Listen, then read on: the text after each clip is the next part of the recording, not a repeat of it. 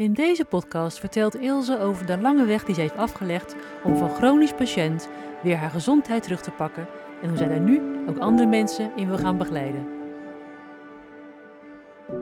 Nou, Ilse, super ja, tof dat ik, dat ik vandaag hier ben. Ik vind het heel bijzonder. Ik heb nog nooit ergens op locatie met iemand podcastopnames gedaan. En eh, ja, de reden dat ik hier ben is uh, vorige keer, uh, of een paar weken, een paar maanden geleden, had ik jou een telefoongesprek. En zei ik van, joh, dat is een, ik heb een mooi verhaal. Wil je dat niet een keertje in de podcast vertellen? En toen begonnen we eigenlijk een beetje met inventariseren van vertel eens wat je allemaal gedaan hebt. En toen kwam er zo'n enorme ja, reis uit die jij beschreef. Ik dacht van ja, daar moeten we eigenlijk ook intussen uh, een tijdlijn bij maken. Dat is wat ik altijd deed in, de, in mijn praktijk als orthomoleculair KPNI-therapeut. En um, ja, dan ging ik gewoon op een, op een, tekenblok, wat ik hier ook nu voor me heb liggen, uh, met een pen uh, een tijdlijn tekenen en invullen wat er allemaal gebeurd was. Om overzicht te krijgen van ja, wat, welk proces was daar nou gaande. En wat heb jij daarna gedaan om dat ook weer om te draaien? Want als ik naar jou kijk vandaag de dag, zit daar gewoon een stralende, gezonde vrouw. Maar als ik jouw verhaal hoor, dan, dan kom je dus heel, van heel erg ver eigenlijk. Inderdaad. Ja, dus nou, super welkom. Ik vind het ontzettend leuk dat je me hebt uitgenodigd. En uh, ja, ik uh, heb er ook veel plezier in om een verhaal te vertellen. Want ik weet dat het uh, belangrijk is dat mensen horen dat je van ver kan komen. En dat je stappen kan maken om je beter te voelen. Ja. En dat is een van mijn missies. Ja, nou, dat komt dan helemaal goed hier. Ja, Ja. En het is jouw persoonlijke verhaal, dus ehm, er is geen goed en geen fout aan. Eh, even als disclaimer, het is geen medisch advies, maar het is gewoon jouw persoonlijke verhaal, jouw ervaringen en de stappen die jij gezet hebt. ja In de hoop mensen te inspireren en te laten horen inderdaad, Ja, en wat er om, allemaal kan. om kritisch te zijn en eh, te kijken van welke stappen kan ik zetten om eh, een stapje vitaler en beter te voelen. Ja, ja. Ja, Nou, laten we beginnen. Ehm, ik heb al een paar dingen op de lijn gezet intussen. Ik, ik zit intussen mee te schrijven en mee te eh, eh, denken. Ehm, maar jij vertelde in 2001 heeft jij- zijn jouw oudste kinderen geboren, een tweeling. Hoe was het voor die tijd met jouw gezondheid gesteld, voor 2001? ik ben altijd wel een eh, persoon geweest die gevoelig was met, met mijn darmen. Een prikkelbare darmsyndroom. Tenminste, die, dat stempel krijg je dan eh, opgedrukt. En allergieën, ehm, heftige menstruaties. En dat was eigenlijk altijd bij mij. Ja. Ik heb eigenlijk niet gevoeld hoe dat anders kan zijn. Wat had je dan van jongs af aan? Van jongs af aan eh, heb ik daar last van gehad.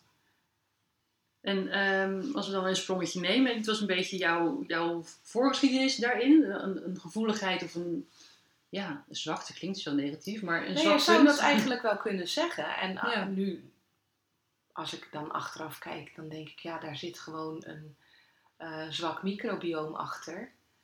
En Ja. daar, dat geeft allerlei gevoeligheden.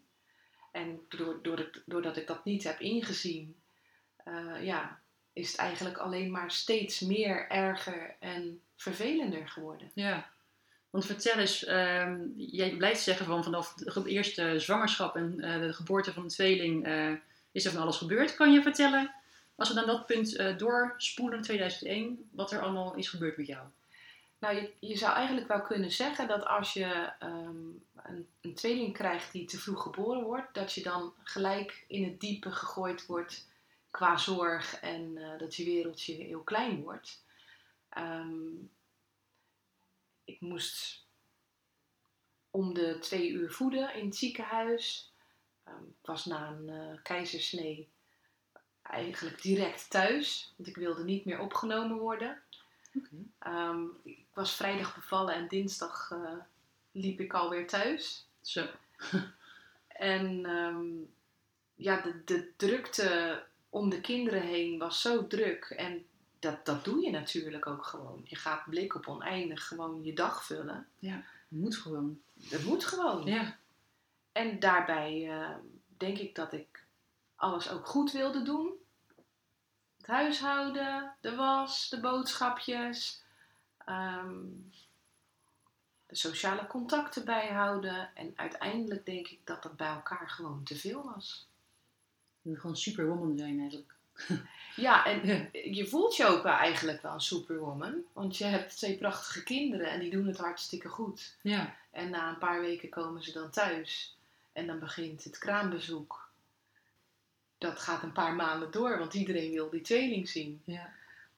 Ja, daar, daar heb ik echt mezelf eh, in voorbij gelopen. Wat gebeurde er met, met jou?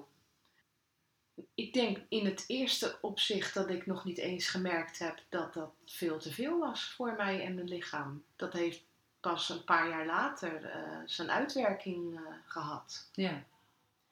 En pas na de zwangerschap van Robin, eh, de meiden waren twee toen hij kwam. Ja. Dus 2003 is je zoon geboren. Ja, precies. Ja. Toen merkte ik van, ja, dit is gewoon too much. Twee kleine peuters en een eh, baby.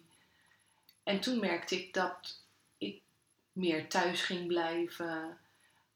Ja, gewoon mijn eigen dingetjes ging doen in, in een kleiner kadertje. En je wereldje wordt gewoon ook eigenlijk wel kleiner. Je komt niet zo makkelijk met eh, drie kindertjes eh, in de supermarkt en Nee. ehm, in het park. Dat duurt een eeuw voordat je ze allemaal aangekleed en eh, klaar hebt.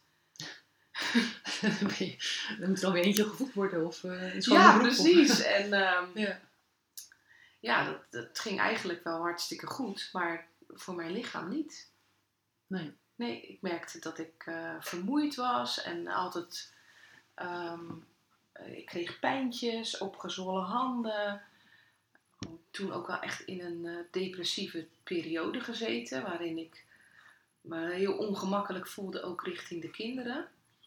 Ja, je, je neemt je al een aanloop. Je zegt, ik, ik werd vermoeid, pijntjes, opgezwollen handen.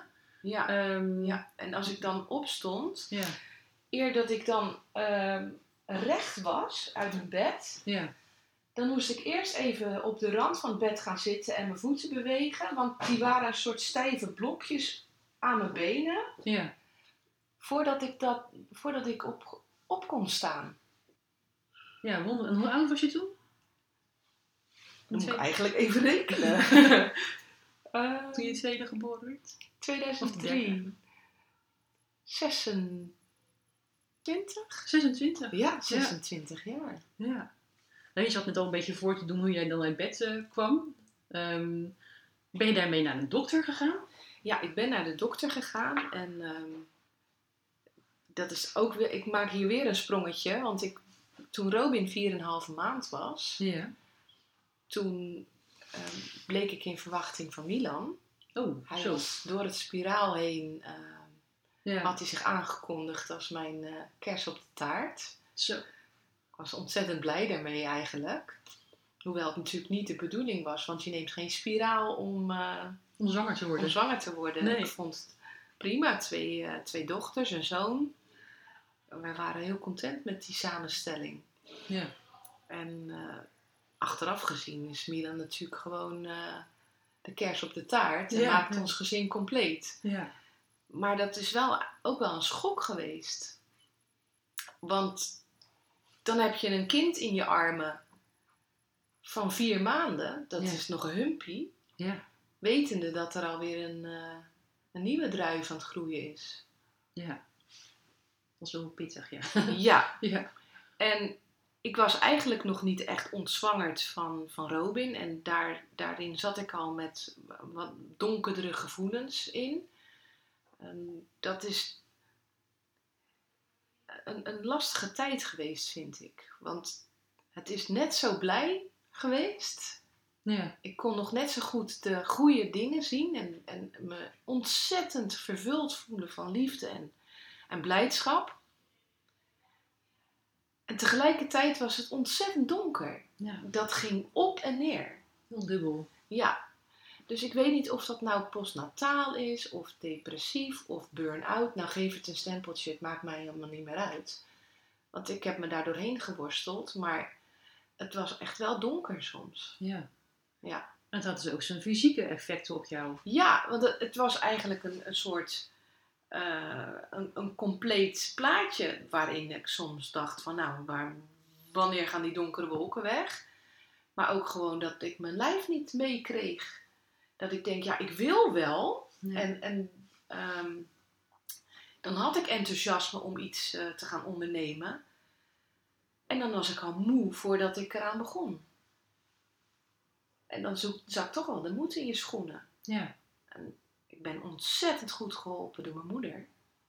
Die, die had zoiets van, oh kom op, we gaan we toch lekker even naar het park. En dan eh ratste ze zo alle kinderen in de kleertjes. En eh, ik was natuurlijk ook enthousiast en daar ging ik ook in mee. En als ik dan terug thuis kwam en eh, mijn moeder ging weg, dan dacht ik zo, en nu op de bank? Even niks. Kleedje, kindertjes lekker wat gegeten. Hup, naar de bedje en mama ook plat. Ja, was je op. Was ik op. Ja. Maar je gaf net al aan, ehm, je kreeg fysieke klachten daardoor ook door. Ehm, niet alleen de energie, maar ook die pijntjes en dat moeilijk op kunnen staan. Je ging naar de huisartsen daar- daarmee ook. Ja, Wat, klopt. wat had die daarover te zeggen? Nou, ik heb toen eh, verschillende bloedonderzoeken gehad, want daar kwam niet zozeer gelijk ehm, eh, uit dat ik naar een reumatoloog moest. Ja. Want dat is uiteindelijk wel gebeurd, want mijn ontstekingswaarden bleven hoog. Oh, hij had me een antibiotica-kuur gegeven van, nou ja, dan... ehm, je Ja. hebt ontstekingswaarden, we Ja. weten niet wat er is, maar laten we dat eens proberen. En dat bleef hoog. En toen zei hij, nou, dan ga ik je doorverwijzen naar de reumatoloog. En die kwam er ook niet uit. Die zei, ik zie sporen van een auto-immuunreactie. Maar wat? Maar het is en hoe, hij zegt, ik kom er niet uit. Hij zegt, ik denk aan Sjögren, maar... Ik natuurlijk googelen en zoeken, wat is dan Sjögren? Nou, ik kon me er helemaal niet in vinden.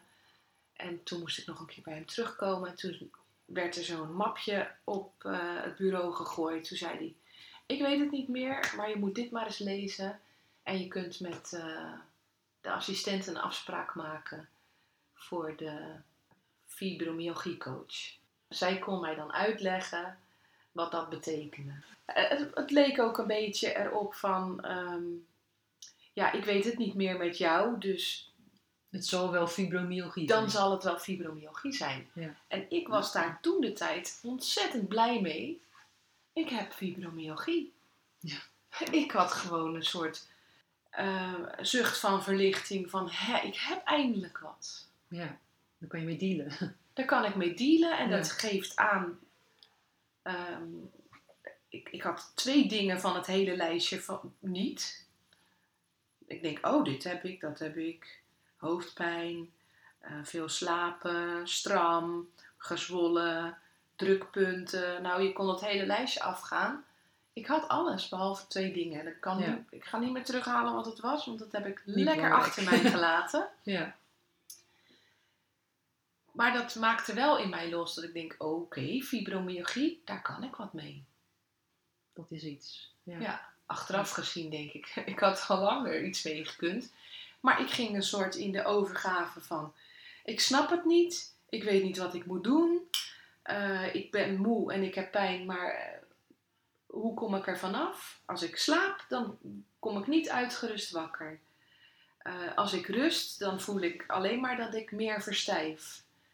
En ehm, die, die, eh, die coach, die fibromyalgie coach, kon die jou nog verder helpen? Ik ben één keer bij die mevrouw geweest en die heeft toen alleen maar uitgelegd wat fibromyalgie is en een aantal leefregels.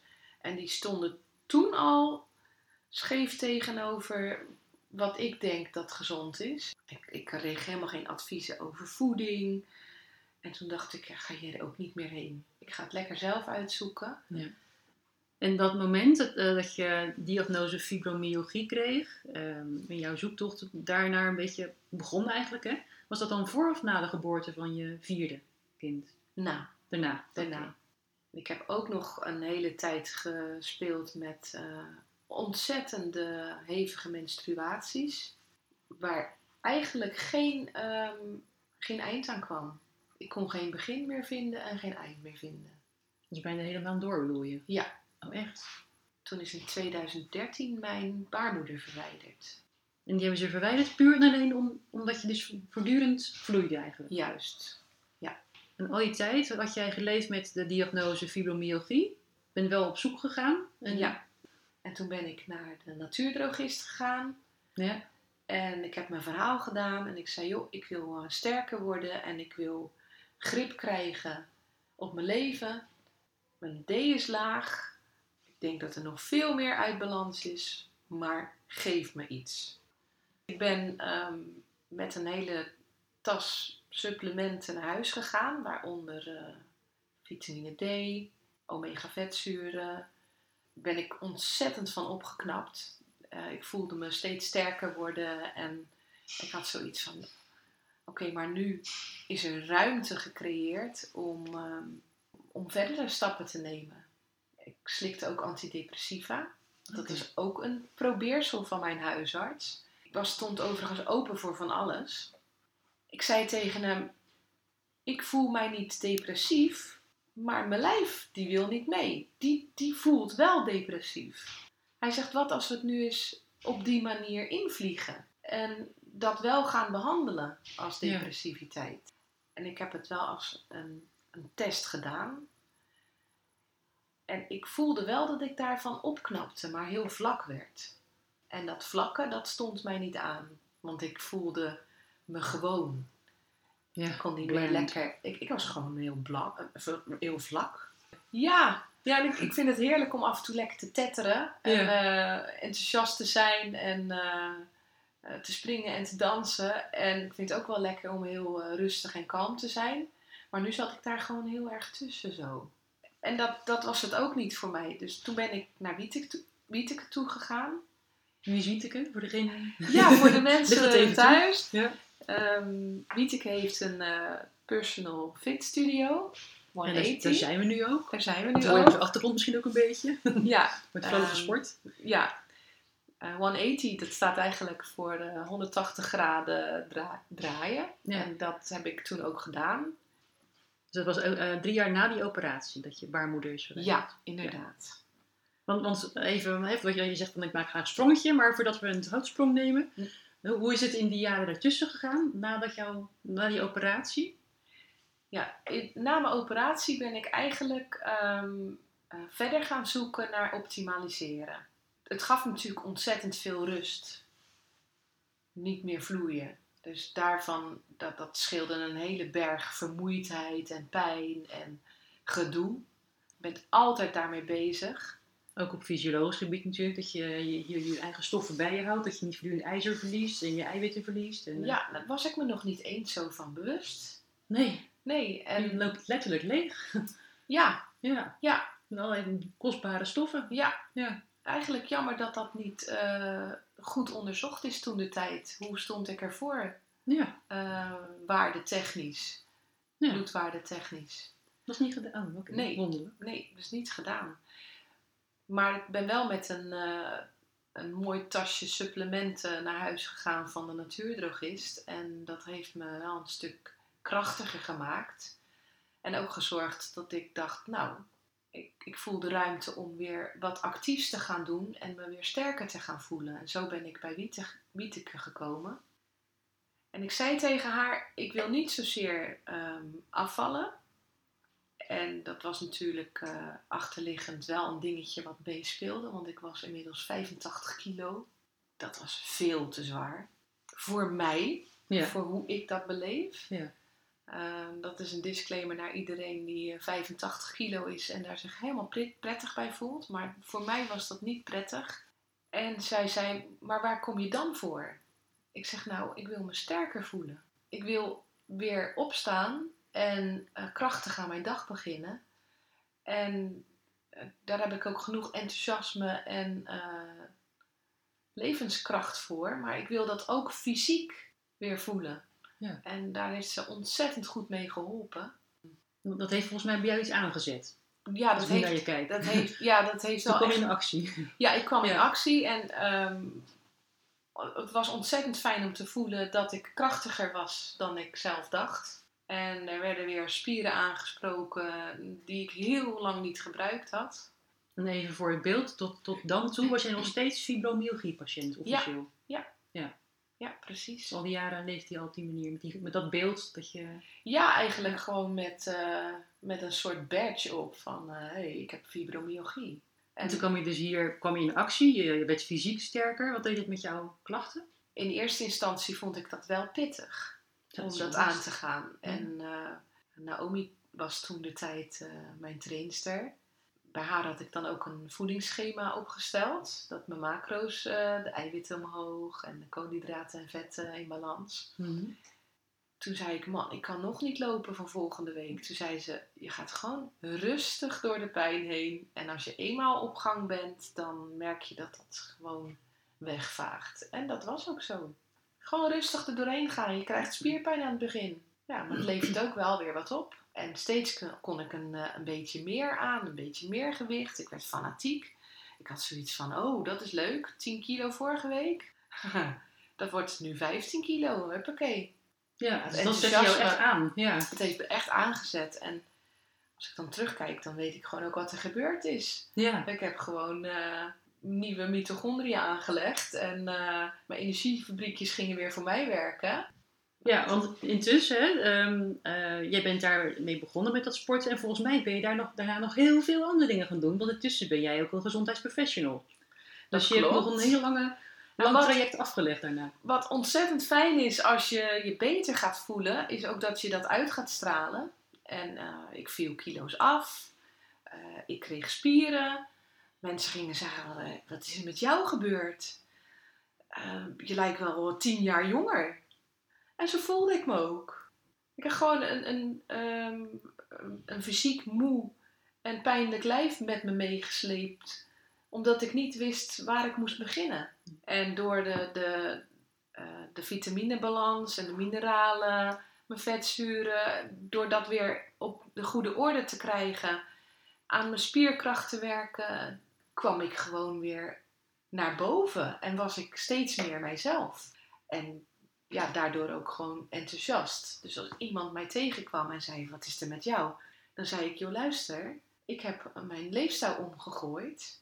En daardoor ben ik weer eh, uit het stof herrezen. Ja, Dat kan jij ook. Oh ja, en ik heb, dan zeiden mensen: Ik heb hier last van en ik heb daar last van. Ja. En dan ging ik ze vertellen hoe ze dat op konden lossen. Maar toen voelde ik steeds meer de. de ik werd steeds gemotiveerder om daar ook echt een mooi verhaaltje van te maken en er meer van Ja. te weten. En toen dacht ik, ja, maar zoveel weet ik niet van voeding. Er is nog veel meer van eh, te ontdekken. Toen ben ik bij het CIVAS eh, natuurvoedingskunde gaan doen. Ja. En toen zei ik al tegen die dame aan de telefoon: Ik wil niet gewoon zo'n cursusje van eh, de schijf van vijf. Daar heb ik geen zin in, want ik wil het veel holistischer aanpakken en ik wil veel breder kijken naar voeding. Ja. En toen zei ze: Dan moet je de natuurvoedingskunde doen. Ja. Ja, dat heb ik ontzettend leuk gevonden en ik heb alle modules opgeslurpt en ging ook steeds meer mensen dingen vertellen daarover en Ja. adviseren Dat herken ik wel. je komt er gewoon uit dat enthousiasme kom je niet onderuit. En, en anderen ook niet. Die, die zien dat gewoon aan je en dat is motiverend. En dan Ja. is het ook wel leuk als je dat goed kan onderbouwen eh, met een eh, gedegen verhaal. Maar toen was ik natuurvoedingsadviseur, officieel. Mhm. En dan? Hoe moet ik dat nu in de praktijk gaan zetten? Ik Ja. ben gewoon eh, huisvrouw, om het maar zo te noemen. ja. En ehm, Nog geen ervaring daarin? nee, Is het professioneel niet? Nee, op die Nee. manier.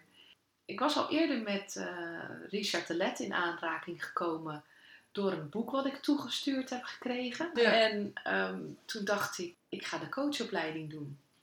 Omdat het zo mooi een holistische Ja. eh De oersterkopleiding opleiding is De dat, hè? oersterk coachopleiding, Ja. ja. Alle vier de pijlers worden daarin eh, belicht. En dat zijn? Ehm, eigenlijk moet je dan de oersterk even uitpakken. Ja, De. O van ontspannen. Oké, ja. De E van eten, R van regelmatig bewegen Ja. en sterk, dat is de mindset. En voor mij begint het bij je sterker voelen, je mindset. Ja. Daar begint het. En als je je wat sterker voelt en je denkt, hé, hey, er is weer meer en er is weer licht aan de horizon, dan komt er ook ruimte om weer stappen te zetten in de ontspanning, het eten en het regelmatig bewegen.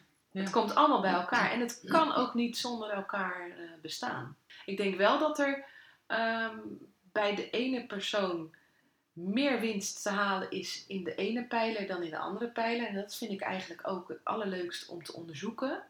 Waar zit bij de persoon de grootste lek? En ik heb mijn grootste lek mogen vinden. Mhm. Eh, en dan die persoon te helpen om daar stappen in te zetten. Want dan creëer je de snelste manier van ruimte creëren om weer verder te gaan. Want het gaat stapje voor stapje. Je bent niet in één sprong in het gat gedoken.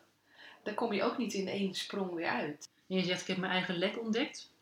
Wat, wat, wat was dat? Kan je daar wat over zeggen? Ja, ik denk wel dat mijn, mijn lek ehm, te veel suikers was. En dat ik niet heb ingezien in hoeveel dat zit. En achteraf gezien was dat eh insulineresistentie. En te weinig bewegen. Ja. Ehm, ik was wel in beweging, maar zeker niet in de tijd dat ik eh, fibromyalgie deed, om het maar zo te noemen. Date. Ja, ja, want eh, dat vind ik een hele leuke van Edwin Selijn. Je hebt het niet, je doet het. Ja. Eh, dat kan heel confronterend overkomen, zeker als je bijvoorbeeld depressieve klachten doet. Je kunt daar gewoon stappen in zetten, ook doen, om daaruit te klimmen. ja. En even voor niet weten wie Edwin Selei is.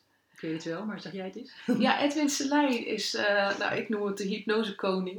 Noemt zichzelf ook. Ja. Oh ja, Ja, toch? ja. oh natuurlijk. Ja, Ja, van eh HIN, eh, Hypnose Instituut Nederland. Ja. En hij heeft ook een, een onderdeel van de opleiding van de Oersterk coaches op zich genomen. Ja. Je krijgt een, een dagles van hem. Dus dan ga je je eigen, je eigen foto zien, je eigen beeld, wat je, je eigen... Ja, je En eigen hypnose eigenlijk. Ja, in ja. principe zitten we allemaal natuurlijk eh, in hypnose. En, je, eh, eigen, je eigen matrix. je eigen, ja, precies. En eh, als je ziet hoeveel eh, stappen je daar zelf in kan zetten. Ja, heel interessant. Ja, dat is echt heel interessant. Eh, mensen lezen het boek gewoon. Je hebt het niet, je doet het. Ja, Eh, want dat kan je op allerlei vlakken doortrekken. ja. Ja, mooi. Ja, Maar goed, ik ben bij Oersterk ben van alles en nog wat gaan leren. Wat, wat ben je op jezelf gaan toepassen wat je daar geleerd hebt? Ja, eigenlijk wel het zien dat het een, eh, een totaalplaatje is. Waarin je uiteindelijk denkt, ik wil mij niet meer voeden met pakjes en zakjes. Daar was ik al sowieso van af. Maar Ja. eh, in, in mijn reis naar gezond eten ben ik bij paleo gestart eigenlijk. En dan, dan schrap je gewoon al de pakjes en zakjes. Maar nog veel meer. Nog veel meer. De granen. Ja, Want had je die nog tot, tot, die, t- tot die tijd? ja, Ja. ja. Wat nog meer? Zuivel? zuivel. Ehm, overigens ben ik niet per se van het eh, schrappen van dingen, maar ik vind bewust worden Ja, wat het kan het op je lichaam doen. precies. Dat vind ik een belangrijke. En weten en- dat je daar een keuze in kunt maken. Juist. Ja. ja. Ja. En, Schrappen klinkt als een verbod. ja. En wat, ik, wat ik wel mooi vind als je dat even fanatiek volgt, dat je daar veel van leert en dat je ook ehm, weer lijfbewust wordt. Ja. Wat doet het met mijn lichaam? Ja. En wil ik dat dan wel? Ik heb op die manier voor mij ehm, melk geschrapt. Ja. Omdat je ervoer dat het iets met je deed Ja, wat je niet wilde. Ja. Ja, dat verwoord je heel mooi. Dat eh kwam ik ook vaak in mijn praktijk tegen. Dan, hè, dan adviseerde ik mensen op deze manier te gaan eten. Dat deed ik toen nog op de paleo manier. En dan ehm, zag je ze schrikken van ik mag dit niet en ik mag dat niet. Dan zei ik altijd van nou probeer het nou even de komende eh, twee, drie weken. Hè, dan maak je er een, een tijdspad van. Dat is toch overzien. ja, dat je ook de tijd hebt om even eh, je Ja. lichaam de kans te geven te voelen hoe is het zonder. Ja. En daarna probeer het dan dus weer eens. Ja. En eh 9 van de 10 zei dan van oeh, nou ik eet geen brood meer. Want dat, dat voelde niet goed voor mijn buik. Brood Nou ja, dan heb je je mij eigen bij. keuze gemaakt. Ja. En een eh, periode heeft bij mij eh, tomaten ook niet ingepast. Nee, de nachtschade. Dat werkte gewoon niet. Aardappels niet. Ik blies daarvan op als een soort luchtballon. Peulvrucht is ook vaak zo een, Ja. eh, een onderdeel. Ja. Ja. Ik maak altijd eh, chili con carne zonder de boontjes. Ja. Ja, ik eet ze ook zelden. Zeg maar gerust nooit. Nee, ik, eh, voor mij werkt het niet. Nee. Wat, wat heeft het jou uiteindelijk opgeleverd toen je bij dat punt was aangekomen dat je de oersterkopleiding had gedaan, dat je een tijd lang paleo gegeten had? Ja. Op welk punt was je toen? Ehm, ik had rust in mijn buik. Ik werd onge- uitgeruster wakker. Ik was mijzelf weer geworden in mijn lichaam, hoe ik eruit zag. En hoe was het met je klachten? Was je nog steeds fibromyalgie-patiënt op dat moment? Nou, ik moet zeggen, als ik, ehm, als ik kijk naar mijn handen, sinds ik ehm, paleo ben gaan eten, is dat al een heel stuk beter gegaan. Want mijn handen is een beetje de graadmeter, daar kijk ik ook altijd naar van Ja. hoe opgezwollen zijn ze en hoe rood. En eh, hoeveel kracht ervaar ik daarin. Nou, ik, ik heb al mijn kracht teruggevonden. Ehm, als ik een misstap maak, om het maar zo te noemen, eh, dan merk ik wel weer dat ik dat voel in mijn lichaam. En als Ja. ik dat te lang doe, dan merk ik weer dat ik mijn kracht verlies. Dat ik weer opgezwollen handen krijg. En dat ik weer strammer ben. Ja. En dat is de, de bewegelijkheid en het eh, springen in het veld gevoel. Dat ik weer lekker op de fiets spring en eh, mijn rondje ren. En eh, lekker in de sportschool eh, met de gewichten sta te zwaaien. Ja. Ja, dat, dat voelt zo bevrijdend om weer... Ja, maar dan weet je ook waar je het voor doet. Die gevoeligheid of die, die basisprogrammering, zou ik maar zeggen, die, die blijft. Maar dat kan je dus managen, dat kan je, daar kan je heel goed mee leven, door je leefstijl aan te passen. juist. Ja, Want ik denk wel dat daarin, ehm laat maar zeggen, in mijn, in mijn profiel, daar wel een eh, soort klein eh, streepje op zit, waardoor mijn lijf fibromyalgie doet. Als Ja, ik een bepaalde leefstijl eh, verander, dat ik bijvoorbeeld ehm, een hele week pizza en pasta ga eten en dan merk ik dat, dat mijn lijf dan weer tegen gaat dat, dat gaat doen. dat gaat doen. Ja, ja. ja. En als ik het eh, bied wat het nodig heeft, dan krijg ik ook wat ik, eh, wat ik fijn vind. ja. En dat is een sterk ja en fris precies. lichaam. En dat maakt natuurlijk veel helderder, laat zien wat jouw waarom is. Hè, waarom doe je dit? Ja, Dus niet omdat je ehm, iets wil opleggen of eh, jezelf wil beperken of wat dan ook. Nee, maar dit levert jou heel veel op. juist. Ja, En dat enthousiasme, dat zorgt wel dat ik elke keer weer zoek naar iets nieuws. ja, Dan denk ik, oh, er is nog wel iets te vinden. En Ja. zo ben ik wel bij ketogeen eten uitgekomen. dus je bent nog een stapje verder gegaan. Ja, want ik merkte dat het, eh, het voedingsschema wat voor mij gemaakt was, ehm, als ik dat trouw invulde, en dat deed ik ook om eh, inzicht te krijgen in hoe, hoe werkt dat nou met de macro's en hoe werkt het nou met eh, die maaltijd die ik nu voor mijzelf maak. Hoe is die samenstelling dan eigenlijk? En toen merkte ik, ik ging daar eigenlijk altijd overheen met mijn, eh, met mijn vetten als ik dat weghaalde, dan, dan bleef ik constant maar zoeken, grazen, kastjes open doen. Wat kan ik nu weer eens eten? Oh, hier een crackertje, lekker met ehm, kipfilet.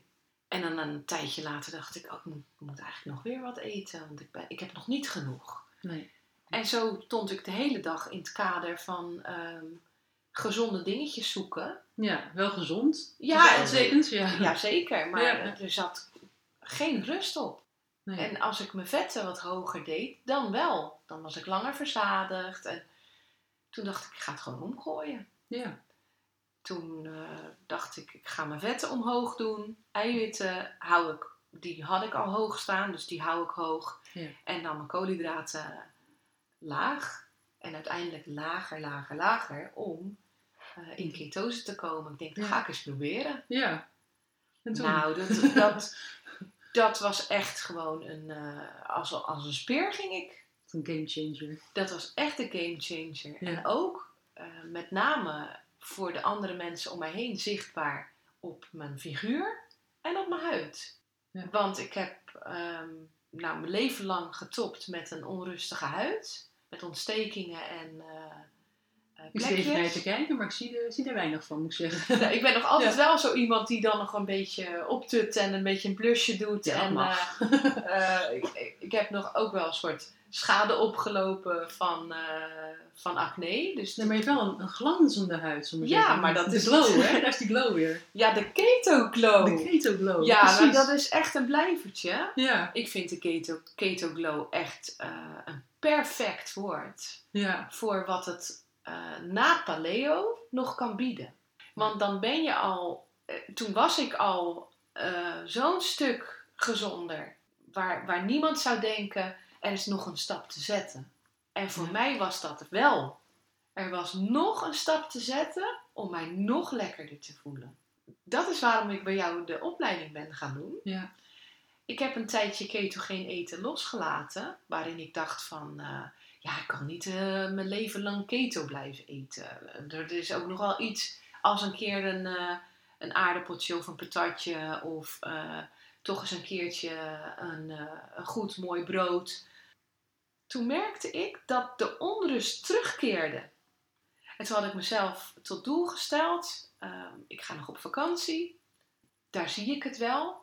Nou, toen begon bij mij alweer de, de keto-drang. Zo van, eh, oké, ik heb Ja. hier een buffet. En daar zoek ik gewoon eh, lekker mijn saladetjes, mijn tonijn.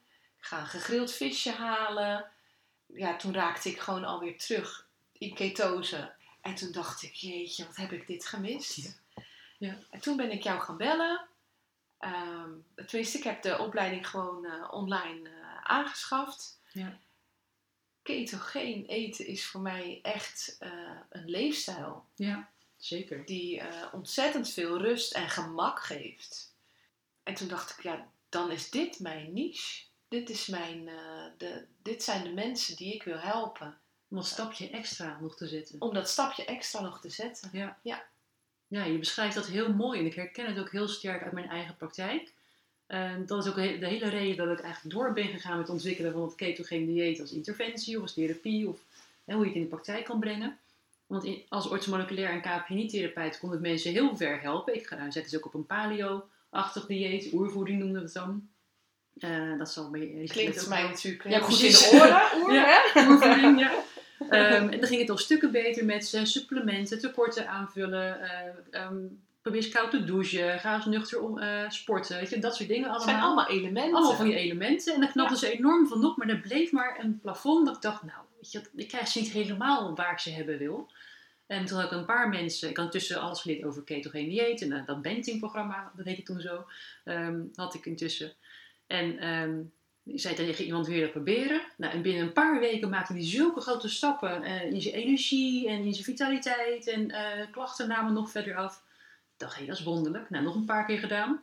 En toen dacht ik ook inderdaad, we moeten omdraaien. We gaan eerst zorgen dat je voeding op orde is. En dan kunnen we de rest nog ondersteunen met bepaalde supplementen en met, met eh, andere prikkels, leefstijlprikkels. Ja. Ja, en dat werkt echt als een trein. Ja. Ja, en Ja. Ik, ben, ik ben dan, dat is dus echt mijn motivatie ook, om, om dat te laten zien aan mensen. Ook als ik jouw verhaal hoor, denk ik, ja, dat is precies wat ik bedoel. Ja. Dat er nog een stap extra mogelijk is. Maar het geeft ook zoveel eh, lucht in het brein. Ja, Het, eh, het is gewoon een soort eh, antidepressiva ja in natura. absoluut. Ja. Ja. ja, en dat heb ik dan ook bij de therapeutopleiding van jou eh, mogen leren. Hoeveel het op het brein doet. Dat, ja, dat is ontzettend mooi om daar ook nog in verder te ontwikkelen. ja. En daar meer over te lezen. En dan hebben we het nog niet eens gehad over de, de mentale kant van de zaak. Meer over de, bre- de breinenergie en bij bepaalde ziektebeelden wat het kan doen. Maar we hebben het nog niet eens gehad over de, de, de psychische of mentale kant van, eh, van de zaak. Ja, precies. Dat is nog een heel nieuw gebied. Ja. Ja. Ja, en het, ik denk ook een, gebied wat heel veel toekomst heeft. Het mooie vind ik, eh, als ik zo om me heen kijk, hè, leefstijl wordt wel steeds populairder, ook eh, in bepaalde artsgroepen en bij andere medici. Maar dan zijn ze nog veel te veel bezig met, eh, met gewicht of met ehm, eh, dat, je bepaalde, dat je je groentjes moet eten of je vitamines binnen moet krijgen. Natuurlijk is dat allemaal heel belangrijk. Maar ze gaan voorbij aan die hele energiehuishouding. Hoe kan je nou zorgen dat je, dat je elke cel in je lichaam kan voorzien van genoeg energie? Ook in je brein, Juist. ook in je hart, ook in je spieren. Nou, heel je lijf, al je weefsels. En als dat allemaal optimaal is voorzien van energie, ja, dan ga je gewoon als een, als een trein. Ja. Ook als je, als je een ziektebeeld hebt, als je mentaal klachten hebt. Ja. ja dat kan Ik zo moet wel zeggen, de, dat, doordat ik een paar kilo, eh, eh, zeg maar gerust, eh, uiteindelijk ben ik 20 kilo lichter uitgekomen. En stabiel gebleven, dat kan eens een kilootje schelen, Ja. boeit me niet. Nee. Ehm, maar dat dat wel ruimte creëert om ehm, om ook dat aan te gaan. Ja, absoluut. En, Ja. ehm, En ik denk ook dat, dat een, eh, een overgewicht eh, vaak een symptoom in, is van iets. En als je dan de kern aanpakt en gewoon gaat zorgen voor een goede leefstijl, goede voeding, bewegen, nou, en alle andere dingen die je nog kan doen, Ja. dat dat gewicht eh, dan bijna vanzelf, het klinkt bijna alsof het maakt het je heel makkelijk, maar ja, daarin meegaat. En ook als je lichaam gezonder wordt, dan gaat het gewicht ook eraf. Ja.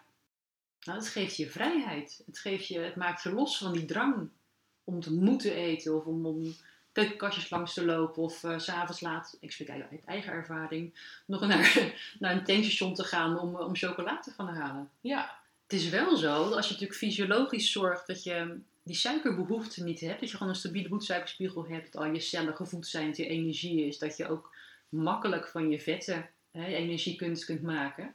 Ehm, en er ligt uiteindelijk een pot Ben Jerry in de koelkast, of ik weet dat er ergens in de koelkast of in de keukenkastjes een bepaald soort chocola ligt.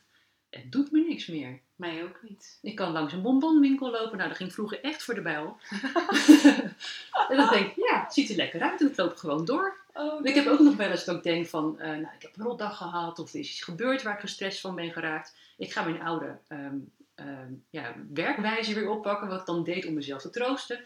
Ging ik naar de supermarkt. En dan haalde ik zo'n doos met twee van die moorkoppen. Of van die bosse bollen. Ja, ja. En die at ik alle twee op, achter elkaar, zonder na te denken. En dan was ik daarna wel eens vermisselijk, maar ook wel eens van, had ik rust in mijn lijf. Want ik had mezelf die suikershot weer gegeven. Ja, En dan was het weer goed. En eh, ik weet nog wel, ik denk een jaar nadat, na- nadat ik met eh, keto begonnen was, toen had ik ook weer even een moment dat ik dacht, eh, gaat helemaal niet naar mijn zin, ik heb het eh, rot, ik heb troost nodig. Ik naar de supermarkt, twee moorkoppen gehaald. Eh, ik neem één hap, denk, gadverdarrie.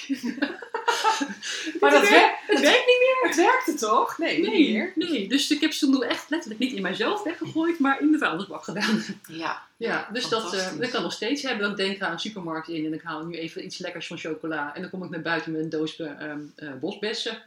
ja, ik denk, oké, ja. ja, geen zin in chocola. Maar ik sta naar te kijken en denk, nee, dat is het niet. Want om dit nou een beetje af te ronden, hè, want we zijn nu met een hele tijdlijn. eh, Ik heb er tussen dan aardig wat opgeschreven. Ehm, hoe is het nu vandaag een dag met jou en je gezondheid? Nou, ik voel me fantastisch. Het is niet meer nodig voor mijn lichaam om eh, op die wijze aan de bel te trekken dat ik verkeerd bezig ben. Mooi gezegd. ja, Ik zelf ook. Ja, precies. En eh, je zei al van ik ook andere mensen daar kan inspireren. Zit hier op, eh, in, in de sportgooi, in, eh, waar jij dus begonnen bent eigenlijk hè, in 2016. Ja, En jij wilt ook andere mensen gaan begeleiden daarin. ja precies. Ja. Ja. Dus ehm, ik zal ook straks onder de, onder de show notes eh, van, de, van de, de podcast ook even jouw website zetten. Of waar mensen jou kunnen vinden. Ja, Ilse natuurlijk. Ilse natuurlijk. Ja. Goed, dan gaan we er gewoon lekker omzetten straks. Ja, Dat als mensen hierdoor eh, geïnspireerd zijn en denken, ja, ik heb ook gewoon een weg af te leggen.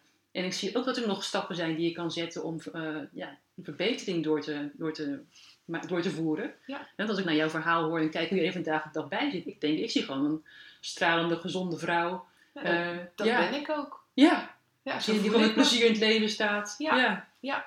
En niet die fibromyalgie-patiënt die je hier beschreef. Absoluut niet. Nee. nee. Nou, echt heel mooi. Ik vind het een heel inspirerend verhaal.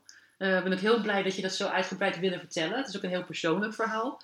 Ehm, met het doel natuurlijk om andere mensen daar ja, deelgenoot van te maken, te inspireren en te laten zien van, ja, ga niet bij de pakken neerzitten en eh, kom in actie. Hoe moeilijk het ook is, maar een klein stapje is vaak al, een lange reis begint met het eerste kleine stapje. Het begint juist Ja. met het eerste kleine stap. En ik zou haast tegen mensen zeggen, eh, kom eens een keer Ilse ontmoeten en met haar kennis maken. Want ja, ik denk dat jij gewoon het levende bewijs bent van wat er allemaal mogelijk is met, eh, met leefstijl, voeding en beweging. Ja, Absoluut. inderdaad. Nou, ik wil jou ook enorm bedanken. Ik vond het een heel mooi verhaal, een heel mooi eh, gesprek. En ja, ik heb er ook weer van geleerd. Dankjewel. Hartelijk dank ook.